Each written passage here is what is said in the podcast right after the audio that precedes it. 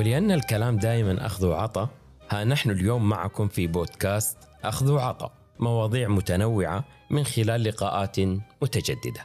أهلا أنا يحيى. وأنا سماء. نلتقيكم كل أسبوعين يوم الأربعاء. فكونوا دائما معنا لنأخذ ونعطي سويا. والآن فلنبدأ حلقتنا لهذا اليوم.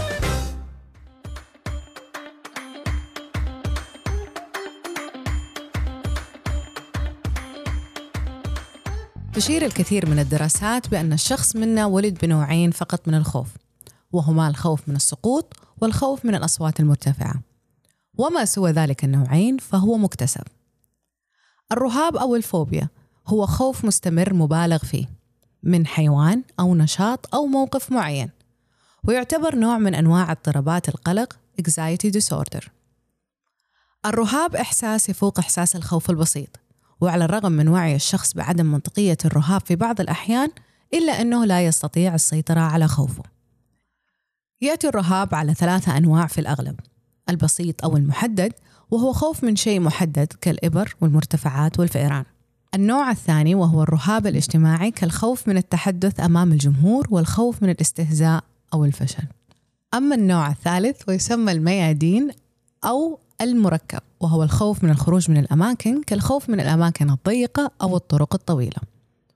وحسب البحث الصادر من جامعة هارفورد فإن المدة المتوقعة لاستمرار الفوبيا عند حدوثها عند الأطفال يكون قصير المدى ويمكنه أن يختفي أو يتلاشى تدريجيا بعد فترة من الزمن. أما عند البالغين ف80% من أنواع الفوبيا هي طويلة المدى بل ويصل البعض منها إلى إحداث تأثير سلبي على جودة الحياة. وفي هذه الحالة في الغالب يكون الشخص بحاجة إلى تدخل المختصين. وللحديث أكثر عن موضوع حلقتنا لهذا اليوم الرهاب أو ما يسمى بالفوبيا يسعدنا استضافة الدكتورة نسرين يعقوب استشاري العلاج النفسي والأسري وأستاذ مشارك بجامعة الملك عبد العزيز بجدة ومؤسس ومديرة عام مكتب الدكتور نسرين يعقوب للاستشارات النفسية بجدة مؤلفة للعديد من الكتب ومنها 30 خطوة نحوك على خطأ المعجزة وغيرها.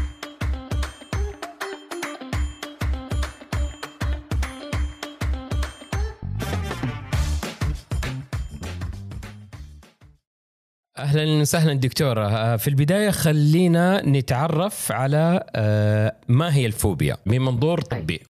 آه، اضطراب الفوبيا أو خلينا نقول اعراض الفوبيا آه، لفترة طويلة كانت هي يعني بيسموها اللي هو المخاوف المحددة سبيسيفيك فوبيا يعني اللي هو الإنسان إنه يكون يخاف من أشياء محددة زي مثلا يعني أماكن أو أشياء أو آه، صور آه، لها أكثر من 600 أو 700 نوع وتختلف عن آه، أنواع أخرى ثانية من أعراض القلق اللي هي زي مثلا الهلع أو اللي إحنا بنسميه البانيك إنه الإنسان يكون قاعد في مكان أو جدا ظروفه طبيعية وتصير عنده أعراض الخوف المفاجئ آه، إلا إنه ما في سبب. لكن الفوبيا في سبب. يعني الفوبيا إنه مثلا الشخص شاف الشيء اللي هو بيخاف منه. فوبيا الحيوانات الحشرات ال ال ال الأشياء المحددة. فهنا بنقول إنه هذه فوبيا لأنه في آه يعني في مثير لها. آه، في سبب. مختلف عن أعراض أيوه مختلف عن أعراض الهلع اللي بتجي فجأة. آه، عشان كده إحنا بنسمي الهلع اتاك اللي هو آه، آه، بيأتي بيجي فجأة للإنسان على الرغم أيوه إنه هو يعني بس الاثنين أعراضهم واحدة اللي هو ضربات القلب في ناس بيرتجفوا في ناس بيضيق نفسهم في ناس يعني أعراضهم تقريبا واحدة لكن تشخيصهم مختلف. الفوبيا والهلع لها لها علاقة بالخجل؟ بمعنى لو كان أحد مصاب بالرهاب الاجتماعي مثلا عنده فوبيا الرهاب الاجتماعي هل نقدر إن إحنا آه، كتشخيص إن إحنا نفرق ما بين إنه هذا لا عنده خجل زايد أو لا والله هو مصاب بالرهاب الاجتماعي؟ هو شوف الخجل الاجتماعي أو الرهاب الاجتماعي والفوبيا المحددة اللي هي اليوم أنتم بتتكلموا عنها والبانيك أو الهلع اللي. هو أنا بحاول أفرق بينه وبين الفوبيا كلها هذه زائد الوسواس زائد آه آه كثير من الاضطرابات تمام هذه كلها تأتي تحت مظلة واحدة اللي هي General Anxiety Disorder مم.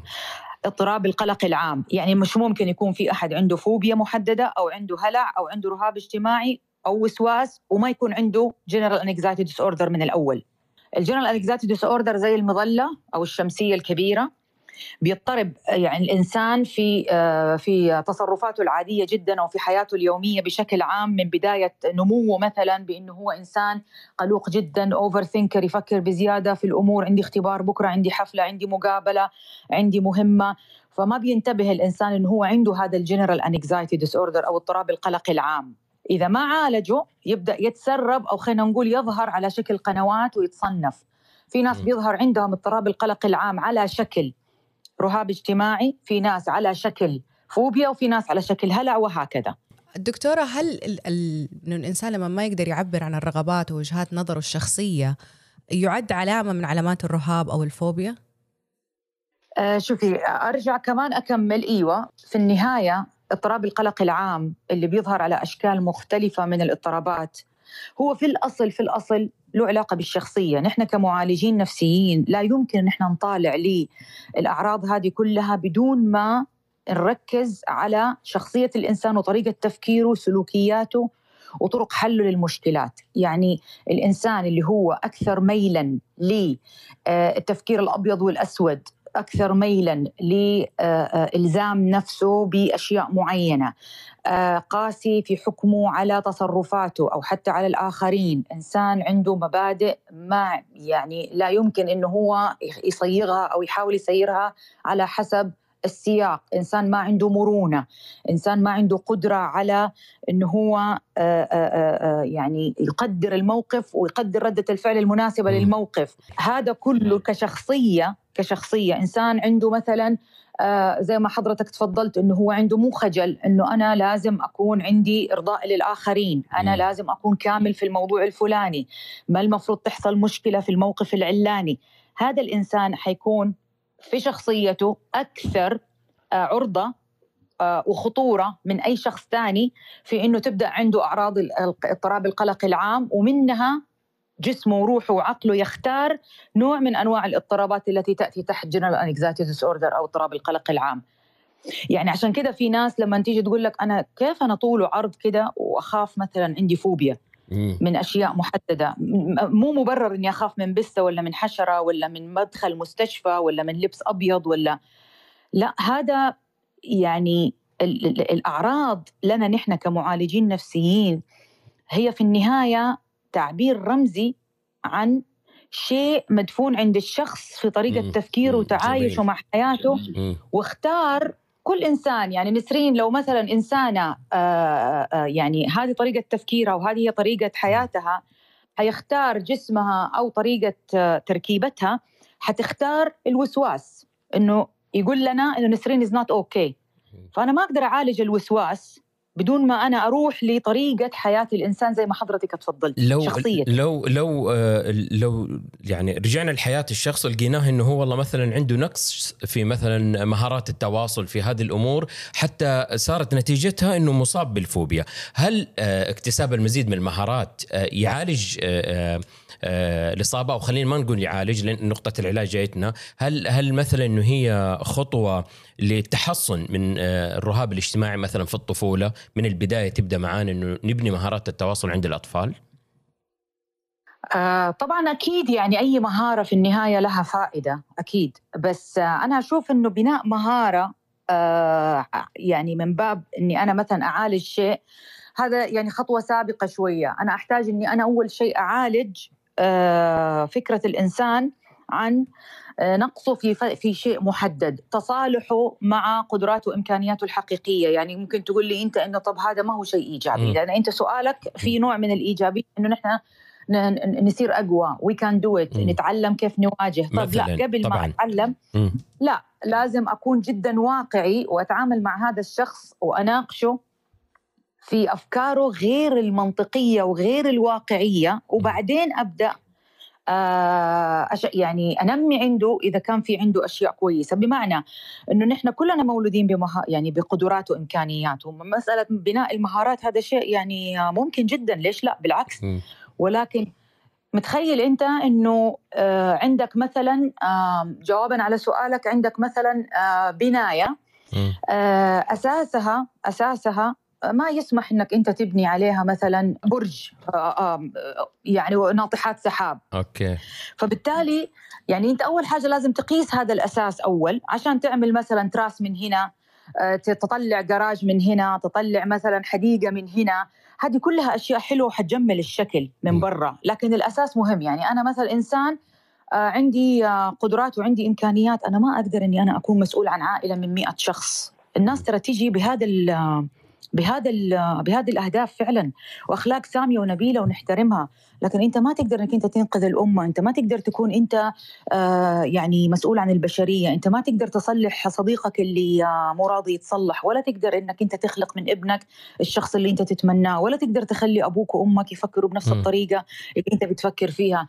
هذا شيء خارج قدراتك وإمكانياتك. أنت هذا مو من آه هذا مش مش من صلاحياتك. هذا مش أصلا داخل نطاق قدراتك فالناس بتزهق روحها وطاقتها وإمكانياتها في أشياء هي أصلا ليست تحت سيطرتها ومن هنا بتظهر المشكلة. حتقول لي يعني طب لا بس الناس عندها مفروض إمكانيات وإحنا نقدر نغير ونقدر نسوي. لو نحن قادرين نركز على اللي فعلا تحت سيطرتنا واللي يشغلنا نحن وينمينا حدودنا إحنا, إحنا إمكانياتنا. بالضبط. بالضبط.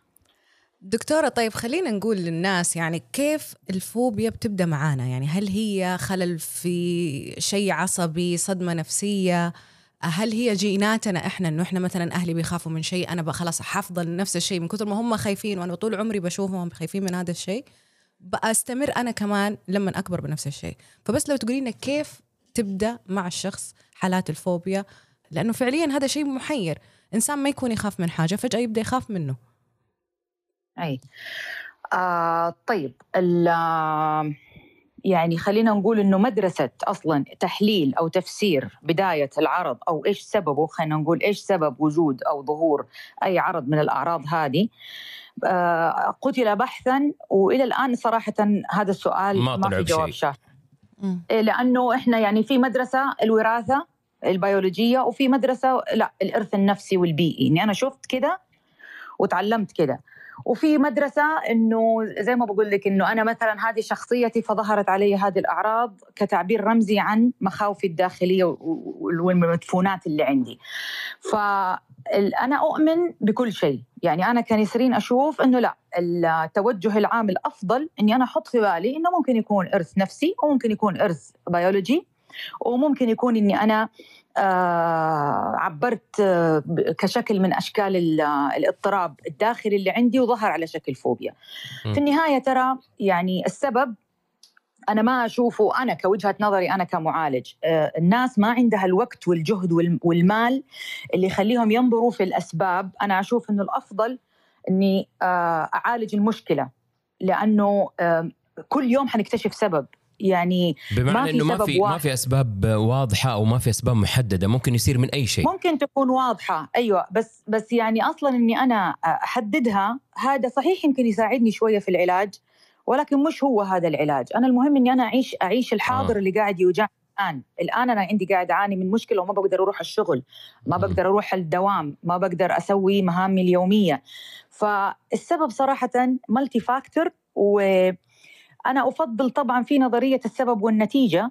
هذه أنا ما أفضلها ابدا. ليش؟ لأنها جدا محصورة. إنه صار كذا عنده هو صغير فلما كبر صار يخاف أيوه بالظلام مثلا. خاف صار خايف من الظلام مثلا. أنا أنا ضد النظرية هذه لأنه الإنسان صراحة تركيبته أعمق وأكبر من إنه يظهر عليه عرض زي هذا لسبب واحد. معناته الدكتور نسرين ما ما يعني ما بتنظر للموضوع ما هي الأسباب أكثر من كونه يعني كيف نعالج هذه المشكلة وكيف نعالج هذا ال هذا ال الأزمة اللي هي موجودة سؤالها هذا اللي حضرتها تفضلت فيه صراحة. يعني شاغل الناس كل الناس بتسأل لما إيش الأسباب شيء أنا آه. أنا لي وهذا سؤال وجيه يعني أنا ما ألومهم عليه م. بس صراحة كل يوم بيكتشفوا شيء جديد كل ما يكتشف نفسه الإنسان يقوم يكتشف إنه في ممكن يكون سبب ثاني ساهم لو بشكل أو بآخر بنسبة. طيب دكتور إحنا إحنا دائما بنتكلم عن إنه الفوبيا والرهاب بيصاب الشخص من طيران من من مثلا حيوانات من ظلام. من هل ممكن إنه الرهاب أو الفوبيا تحدث من شخص معين؟ يعني يصير عندي فوبيا من شخص؟ آه أيوه طبعا يعني يعني وليش هذا وليش يحدث يعني؟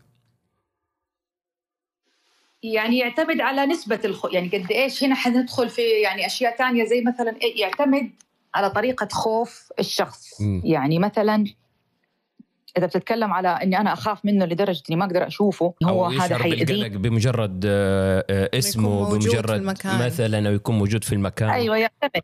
إذا كان يعني هذه ممكن نطلع عن آه، اسمها فوبيا. يعني في بعض الناس بيختار خوفهم آه خلينا نقول إنه يعني يتعدى إلى اني أنا يكون عندي مثلا فوبيا من شيء أو من لا إنه أنا هذا الشخص أنا مسيطر علي إنه هو حيأذيني آه أو هو سبب اذى لي آه ويكون جدا جدا مقتنع بهذه الفكرة وراسخة في ذهنه. آه معناته نحن دخلنا في انفصال هنا عن الواقع يعني إنه في ناس كثير مثلا هذا هالشخص ذكر اسمه أو وجوده في هذا المكان حيسبب لي واحد اثنين ثلاثة. هنا هذا عرض من أعراض ممكن يكون الذهان اللي هو إنه الإحساس الاضطهاد أو الكره أو ما إلى ما إلى ذلك. لكن يعني خلينا نقول إنه كل إنسان آه، بيختار جسمه زي ما قلت لك وعقله وروحه عرض من الأعراض اللي يتناسب مع ثقافته ومع بيئته. يعني لو أنا نشأت في نشأة أصلا. هذا الشخص شخص موتر لي هذا الشخص مثلا معروف عنه إنه هو مثلا غير متوقع تصرفاته. آه، هو مصدر خطر مثلا أصلا.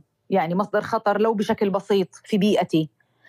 فلما يوصل الانسان لسن معين ممكن يصبح العرض مسيطر على هذا الشخص خلاص من هذه من جهة هذا الشخص م. في ناس لا مثلا التشدد الديني موجود في بيئتهم فلما م. يجي يصير عنده اضطراب اضطراب القلق أو الوسواس يصير الوسواس ديني إنه أنا ربنا ما حيدخلني الجنة أو أنا مهما بصلي آه، غير مقبول أو أنا غير طاهر لازم أعيد الوضوء والصلاة خمسين مرة في ناس بيئاتهم مثلا آه، الإنجاز والأهمية فيصير في عنده مثلا أعراض تتماشى مع هذا أه، كيف كيف أفرق بينهم؟ يعني أه، بحسب كلامك كيف أفرق بينهم؟ هل هي فوبيا ولا هي مجرد خوف مبالغ فيه من هذا الشخص يعني؟ يعتمد. يعني أه، إذا كان أنت بتتكلم على هذه الحالة تحديدا إذا هو مصدق إنه هذا الشخص فعلا راح يضره هنا هذا صار أعراض ذهان. إنه أنا هنا ضلالة صارت مسيطرة علي. ضلالة يعني إنه هذا الشخص مؤذي وانه هو فعلا ينوي إيذائي. وأنا لازم أتجنبه. إذا ما هي مجرد ما هي فوبيا دكتور؟ ما هي ما هي بالمعنى العلمي الفوبيا اللي هو ممكن تكون فوبيا إذا أنا رضيت إني أكون موجودة في نفس المكان وعارفة. لما أجي يكلمني يقول لي أنت عارفة إنه هو ما حيأذيكي وما حيسوي لك شيء؟ أقول أيوه عارفه عارفة إنه ما حيأذيني بس أنا أخاف منه. لكن لما أقول لا هو حيأذيني ومتأكدة إنه هو حيأذيني وبالواقع هو ما راح يأذيني أصلا ولا بيفكر فيي أصلا معناته هذا ذهان. طيب دكتورة خلينا نتكلم نقول للناس إيش إيش علاج الفوبيا؟ كيف الطريقة أنه هو يبدأ يعالج نفسه؟ حتى دكتورة لو أخذناها بمثلا مثال حي خلينا ناخذ مثال حي حتى نقرب الصورة للجميع. لو افترضنا شخص مثلا مصاب بفوبيا الطيران فما هي الطرق لعلاج هذا الموضوع؟ الطرق السلوكية أو المعرفية أو الأدوية آه، أو مثلا طبعا لأنه موضوع التعريض أتوقع في الطيران صعب جدا يعني. فخلينا نعرف الطريقة المناسبة لحالة شخص مصاب بفوبيا الطيران مثلا بحالة متوسطة. آه يعني أنا أرجع وأقول لك إنه أنا أشوف إنه أي أعراض في النهاية هي تعود إلى شخصية الإنسان، فأنا ما حأمسك في الأعراض نفسها أنا أسلوب علاجي. إني أقول إنه الشخص اللي عنده نوع من أنواع الفوبيا هو مؤشر على حياة تعتق يعني تحتاج إنها تتغير. وفي ناس كثير حيقول لك لا أنا حياتي مستقرة بس أنا عندي فوبيا من الطيران. هذا الكلام غير صحيح. آه حتى لو أنت يعني الان غير واعي لأنه هذا لأنه هذا الموضوع آه، شخص شخصي شوية فماخذ معايا. يعني أنت تقصدي إنه إذا كان الموضوع آه، له ارتباطات سابقة مثلا إذا والله في زيادة في فكرة الخوف فهو أكيد حيكون عنده آه، آه، آه، فوبيا من الطيران. مستحيل يكون مثلا عنده فوبيا من الطيران بس حياته ما يخاف فيها أو ما عنده جانب الخوف. لا مو شرط إنه يكون في خوف تاني بس في شيء معين يحتاج يتصلح في حياته في طريقة تفكيره في. قراراته. فيعني إذا جينا تكلمنا عن وبالذات لما تتكلم عن أنواع فوبيا آه، غير ملزمة للإنسان. يعني مثلا في ناس عندهم فوبيا مثلا من الطيران بس هو ما بيسافر غير مرة كل خمسة سنين. ما حيروح يتعالج زي واحد بيشتغل في الطيران مثلا أو. بيسافر كل أسبوع. يعتمد قد إيش الشخص مضطر إنه هو يعني يمر بالحالة. يمارس. الظروف جميل. ويمر بالحالة. إحنا هنا حنحط العلاج على حسب الاحتياج. يعني في ناس كثير عندهم فوبيا طيران بس هم خلاص لما بيسافر مشي أموره في السنة يعني. في خمس سنين لنا حلول تانية لكن آه آه أنت بتتكلم على شيء ملح أنا اسبوعيا عندي رحلة أو لازم أسافر هذا موضوع تاني فلما جينا نحط كل أنواع الفوبيا على جنب كده وحنقول إنها كلها أعراض مزعجة موترة بغض النظر أنا في ناس عندهم فوبيا من الأسانسير فوبيا من الدرج فوبيا من ال... طب أنا بيتي في الدور العشرين مثلا مم. أنا أشوف إنه هنا الأعراض هذه كلها طبعا على حسب السيفيريتي. أنت قلت بدرجه متوسطة. إيوه. إذا كانت بدرجه متوسطة أنا ما ححتاج أدوية. أقدر إني أنا أمشي بدون أدوية. تمام. آه الخطة اللي أنا حمشيها مع المضطرب آه باضطراب ال- الخوف أو خلينا نقول اللي هو الفوبيا. آه العلاج السلوكي المعرفي العلاج العقلاني العلاج الوجودي العلاج المتمركز حول الحل هذه كلها أنواع علاجات بتركز على الشخصية نفسها بتركز على طريقة مم. تفكير الإنسان بتعالج طريقة تفكير الشخص نفسه قصدك في حياته كلها آه مش بس على الخوف نفسه مم. مم. لأنه يعني لو إحنا حنركز على الخوف نفسه حنكرر نفس خطأ المريض نفسه الحين المريض. أصلا مركز. يعني المريض أصلا متجاهل تماما طريقة حياته وما بيفكر ولا في حاجة إنه يغيرها. وجاني عشان يقول لي أنا عندي خوف من واحد اثنين ثلاثة تمام؟ أنا لما أركز بس على أعراض الفوبيا حقته حرتكب نفس الخطأ اللي هو بيرتكبه لأنه هو متجاهل تماما إنه هو ما بيواجه قرارات مهمة ومصيرية في حياته هو مو راضي ياخذها. ما بيواجه نقاط ضعفه في أماكن معينة. ما بيواجه أخطاء بي- بيرتكبها في حياته كل يعني يوم يعني أو ال- ال- الدكتور الفوبيا بالنسبة بالنسبة لطريقة ال- العلاج اللي أنت يعني آه، تمارسيها هي عبارة عن أسلوب حياة. فأنت بتعالجي الموضوع من جميع جوانب الحياة بحيث ما يتكرر في شيء ثاني مثلا. أيوه ياخذ وقت أطول شوية آه لكن آه، آه، لكن يعالج حياة الإنسان كلها. طيب هل يمكن للشخص نفسه إنه هو يشخص الحالة اللي عنده ويقول طيب ما أنا خلاص حبدأ أدرج نفسي إنه أنا ححاول أفكر وألخص الموضوع وأعالج نفسي بنفسي بدون ما أروح لدكتور مثلا؟ طبعا في ناس تقدر تساعد نفسها أكيد. يعني إذا كانت درجة غير عالية وإذا كان الإنسان عنده قدرة على المواجهة وقادر إنه هو يدرب نفسه يعني عموما عموما هذه الأنواع من الاضطرابات اللي إحنا بنتكلم عنها كلها سواء كان فوبيا سواء كان هلع أو panic أو سواء كان رهاب اجتماعي أو وسواس أو كلها يعني ال general anxiety disorder بشكل عام يساعد آه، الكوميونتي تكون مثلا يكون في أصدقاء آه، ناس مقربين مريحين في التعامل آه، محاولات شخصية من الإنسان كتب يقرأها دورات يحضرها طبعا إذا كانت لسه ال- المستوى اللي فيه الشخص ما وصلنا لمرحلة حياتي وقفت تعطلت. حقها أقل من ال من أي. المفروض إنه هو يلجأ لأحد مختص إنه هو يعالجه فيها بالضبط آه، دكتورة هل العلاج هنا آه، آه، قطعي بمعنى إنه هو الحالة ما تنتكس آه، بصفة عامة أتكلم أنا يعني مو بس شرط على الفوبيا. العلاج النفسي هل هو آه، آه، علاج قطعي؟ بمعنى إنه لو تعالج من رهاب معين إنه ما يرجع له مرة ثانية؟ شوف يعتمد على طريقة العلاج.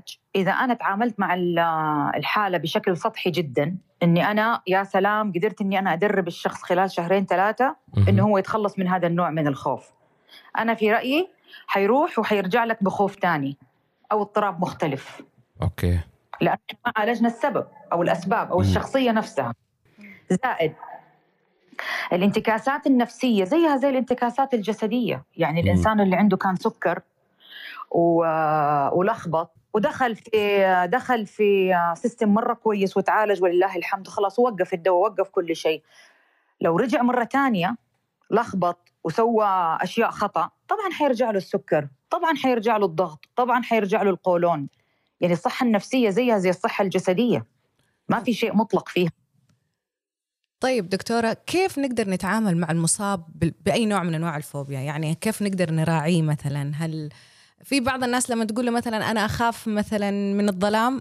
حيستخدمه ضدك. أو سخرية. آه لا لا تطفوا النور مثلا الشخص هذا يخاف. يطفوا الأنوار حيبدوا يطفوا الأنوار عشان يحطوك تحت هذا البرشر فإحنا نبي ننصح الناس كيف نقدر نتعامل مع المصاب بالفوبيا بالذات لما يكون في أطفال أو لما يكون في شخص قريب عندك وإنت تبى تساعده. والله لو ما نساعده يكون أفضل. يعني إحنا مجتمع ما يعرف يساعد فيا ريت ما نساعد يكون أحسن. طب لأنه يعني طريقة طريقة مساعدتنا أحيانا تكون فيها هي يعني أنا أنا في رأيي آه، اللي ذكرتيه حضرتك اللي هو كأنه تنمر. أيوه. خطأ جدا. آه، أو ما ينفع. أو البعض دكتورة أو البعض بحسن نية. مثلا إحنا ممكن علميا بيسمى التعرض أيوة. يعني التعرض انه والله يخاف من الظلام يحطه في الظلام. يخاف, يخاف من المسبح أو بالعكس يعني بحسن نية هو ممكن يقول له لا أنت خليك قوي انت لازم تكون أفضل خليك رجال أو خليكي مم. قوية مم. كمان هذا الأسلوب حتى لو ما كان بالإكراه مجرد نصيحة شخص إنه هو يكون عكس مخاوفه هذا شيء مؤذي جدا للإنسان لأنه مم. هو فعلا ما يقدر يعني أنت كأنك بتقول لشخص مثلا مسكين ما يقدر يتحرك رجوله فيها مشكلة وبتقول له بكرة حاخذك ماراثون ما ينفع. يعني إحنا لازم نكون واقعيين وفاهمين إنه هذا الشخص أكيد يعني إنه هو ما بيكذب ولا بيختلق وهو فعلا يرتاع ويجد صعوبة في مواجهة الموقف. فأنا يعني ما يعني أنا أشوف إنه هذا التنمر اللي قلتوه يعني أكيد طبعا مؤذي جدا هو أكيد أكيد ما في شك. لكن كمان الطريقة الثانية التقليدية اللي إحنا بننصح فيها آه، الناس اللي عندهم هذا النوع من الاضطراب مو صح إني كمان أقول له لا أنت لازم تكون ولازم تعمل ولازم تسوي. النصيحة والتوجيه المباشر هذا ما هو حل لأنه ترى هو حاول وفكر قبلك. مستحيل ما حاول وما... صحيح صحيح. هو أيوه يعني هو مو مش معقول ما خطر في باله إنه يواجه ما خطر في باله إنه يقوم ويجرب. خطر. أه، يمكن دكتورة يمكن دكتور من أبرز الأشياء يعني لو لو أخذنا مثال قريب بس عشان للمستمعين اللي هو الظلام عند الأطفال. فلو تعطينا بس الطريقة المناسبة لطرحها مع الطفل بدل المواجهة يعني لا تخاف أه، لا ما في الظلام ما في شيء. إيش الطريقة المناسبة لهذا الموضوع؟ يعني يعتمد. إذا كان الطفل أنا يعني أبغاه يتعود أو إنه مثلا يعني إذا ما كان في حادث مؤلم قريب حاصل عند الطفل تروما أو صدمة أو فقد يختلف عن طفل من المنشأ هو يخاف من الظلام. إذا كان حادثة أو صدمة أو فقد أنا لازم أعطيه وقته. لكن إذا الشيء قديم المنشأ وأنا بحاول إني أنا أعوده إنه هو ينام في مكان لوحده في مكان ما في يعني يعني ممكن إني أنا أساعده بطريقة تدريجية زي ما حضرتك تفضلت من أول كنتوا بتتكلموا عن التعرض اللي هو المتدرج. آه أنا مثلا ممكن أخلي له الباب مفتوح ممكن أخلي له لمبة خافتة ممكن أقول له أنت عندك الصلاحية إنك أنت لو خفت في نص الليل إنك تتحرك إنك تجيني. يعني ما أحط قيود صارمة على الطفل إنه هو لازم يواجه وبشكل واضح وبسرعة ولوحده. لا لأنه هي فترة ممكن تكون هو فيز هو ممكن يكون م. شيء معبر عن شيء ثاني الطفل خايف منه أو عنده أسئلة فيه. لأنه يعني آه، منطقيا هو ما في شيء فيه في الظلام بس الطفل في شيء في مخه أول شيء لازم أعرف يخلي الظلام مخيف. أيوه. طيب عندنا سؤال. أغلب الناس عندهم قناعة تامة بالأمراض العضوية. يعني إنه هو عارف إنه هو مثلا مريض سكر ولا شيء فبيروح يراجع الدكتور عادي بدون أي مشاكل. لكن لما تجي للامراض النفسية واشياء تتعلق بالحالة النفسية للشخص دائما يتردد الأشخاص إنهم يروحوا لمختص يعالجوها. والفوبيا من الأشياء اللي ممكن الناس تقول لك لا خلاص هو بعدين حينسى أو بعدين حيتعود. أو بعدين حيعالج نفسه مثلا أو إنه هو حيتخلص من هذه الفوبيا. فإيش تنصحي هذول الناس؟ آه علشان يحاولوا إن هم يتخلصوا من هذه الأنواع من الفوبيا ويلجأوا إلى مختص عشان يساعدهم. يعني هنا نحن نتكلم عن الناس اللي يحتاجوا يتخلصوا من قصدك من الوصمة من العلاج النفسي. الوصمة هذه مشكلة الصراحة موجودة على العلاج النفسي بشكل عام. حتى الأطباء الفيزيشنز اللي هم زي الأنف والأذن والحنجرة والمخ والأعصاب والأسرة كلهم آه، في الآخر إحنا كلنا فريق واحد. آه، أحيانا الأطباء نفسهم ما عندهم دراية كافية عن علاقة الناحية النفسية بالجسدية. فهي تبدأ مننا نحن كمختصين إحنا لازم نرفع وعي الناس. إحنا لازم نفهمهم إنه لما يكون في آه، أشياء عضويا غير مبررة إحنا لازم نبدأ نعطي الناحية النفسية بعض الأهمية. والآن صار في تطور الحمد لله. يعني الأطباء الآن ما صار عندهم هذه الوصمة من النفس من السايكايتري اللي هو عندنا إحنا. يعني أول لا صراحة كانت في وصمة مرة كبيرة. لكن لسه نحتاج كمان إلى وعي أكثر. بعد كده ننتقل إلى الفئة اللي هم الناس اللي هم غير متخصصين. فكرة إنه في آه، حالة ضعف إنساني وإنه أنت يعني مثلا ممكن تكون تشتكي من حالة نفسية هذه وصمة يعني قديمة جدا ولأنه علم النفس أصلا يعتبر علم حديث ولأنه نحن عندنا تفسيرات إنه أي شيء نفسي معناته ضعف معناته آه، مشكلة معناته إنه هو الشخص هذا غير مؤمن غير ملتزم بربنا أو صحيح. غير فعشان كده نحن نحتاج أيوه يعني التوعية اللي نحتاجها بعد ما نوعي المتخصصين نفسهم للأسف إنه نحن بنقول لهم ترى إذا لقيت إنه مريضك ما بتقدر تساعده آه طبيا معناته أنت لازم تحوله على سايكايتري نفس الشيء بالنسبة للناس العاديين اللي هم بيعانوا إنه يعني فكرة إذا أنت خايف من إنه إحساس الوصمة خلينا نقول إني أنا عندي شيء نفسي ما أقدر أروح أتعالج منه أول معلومة لازم نحطها في بالنا يمكن اشياء هذه تساعد الناس شوية إن هي ترفع الحساسية شوية تخفف حساسية من العلاج النفسي. لازم تعرف إنه آه، آه، في 2010 آه، سوينا إحصائية إنه في عام لقينا إنه عام 2020 راح يكون الاضطراب اللي هو القلق والاكتئاب نسبته 100% 100% عشان بس 100% من من الإجمالي العام؟ بدرجات. أيوه يعني إحنا بنتكلم على قبل ثلاث سنوات من اليوم. امم أوكي. يعني آه وتفسر لنا الأشياء اللي صارت في العالم كورونا على على ضغوط الضغوط المادية على الضغوط يعني الضغط النفسي أو الأعراض النفسية أصبحت زيها زي الزكام ما عاد يقدر أحد يتجنبها. فالشيء الثاني يعني إذا أنت تشوف نفسك إنك أنت بتعاني وخايف إنه أحد يعرف أو أحد يكشف أو لازم تفهم إنه قدرتك على إخفاء هذا الموضوع تساوي قدرة شخص آخر بيعاني وبرضه ما خلاك تعرف. فالناس كلها بتعاني. مو معنى إنه أنت مثلا ما حد عارف طب ما كمان في أشخاص ثانيين أنت كمان ما تعرف عنهم. فالمعاناة مشتركة.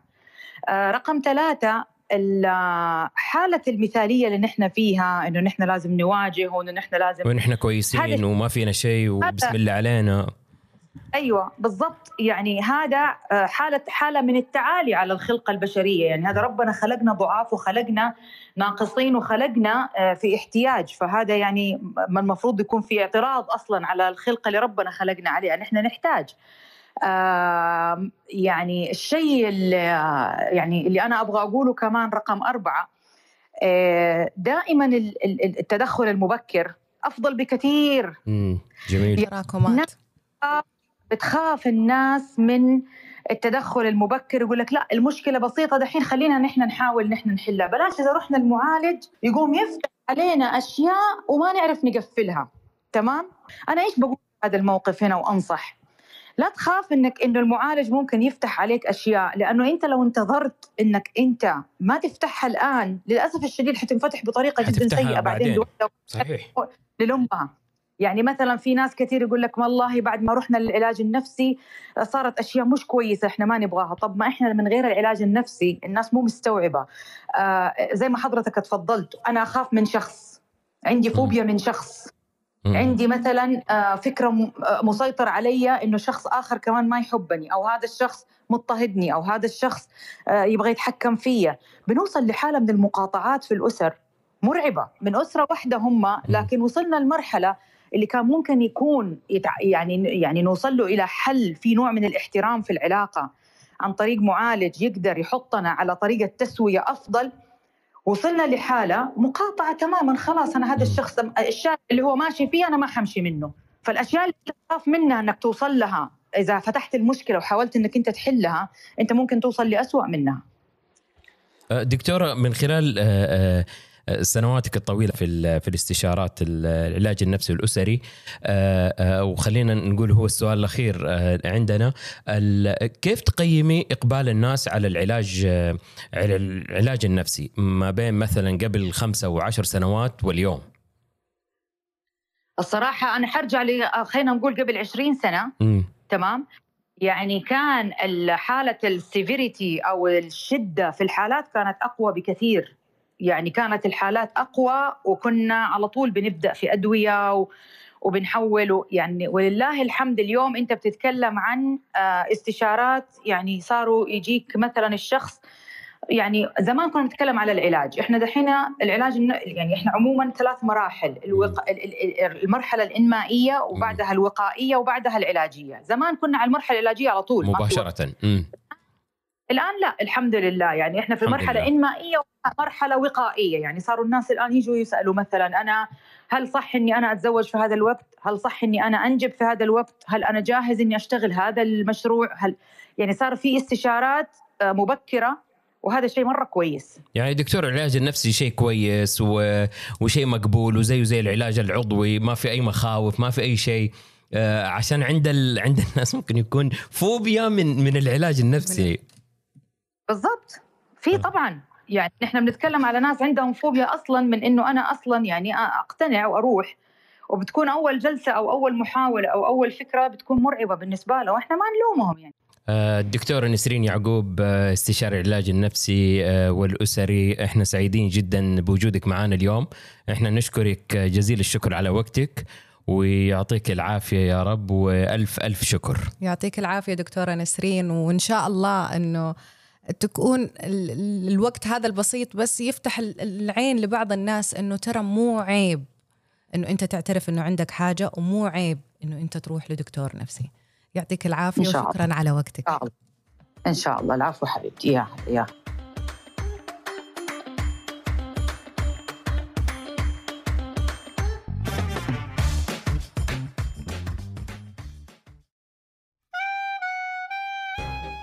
وبكذا مستمعنا الحبيب وصلنا إلى نهاية حلقتنا اليوم. راح نسعد بتواصلك معنا من خلال هاشتاج بودكاست أندرسكور أخذ وعطاء ومن خلال مواقع التواصل الاجتماعي اللي راح تلاقيها في صندوق الوصف. ولا تنسى مشاركة حلقتنا مع جميع أصدقائك. إلى اللقاء.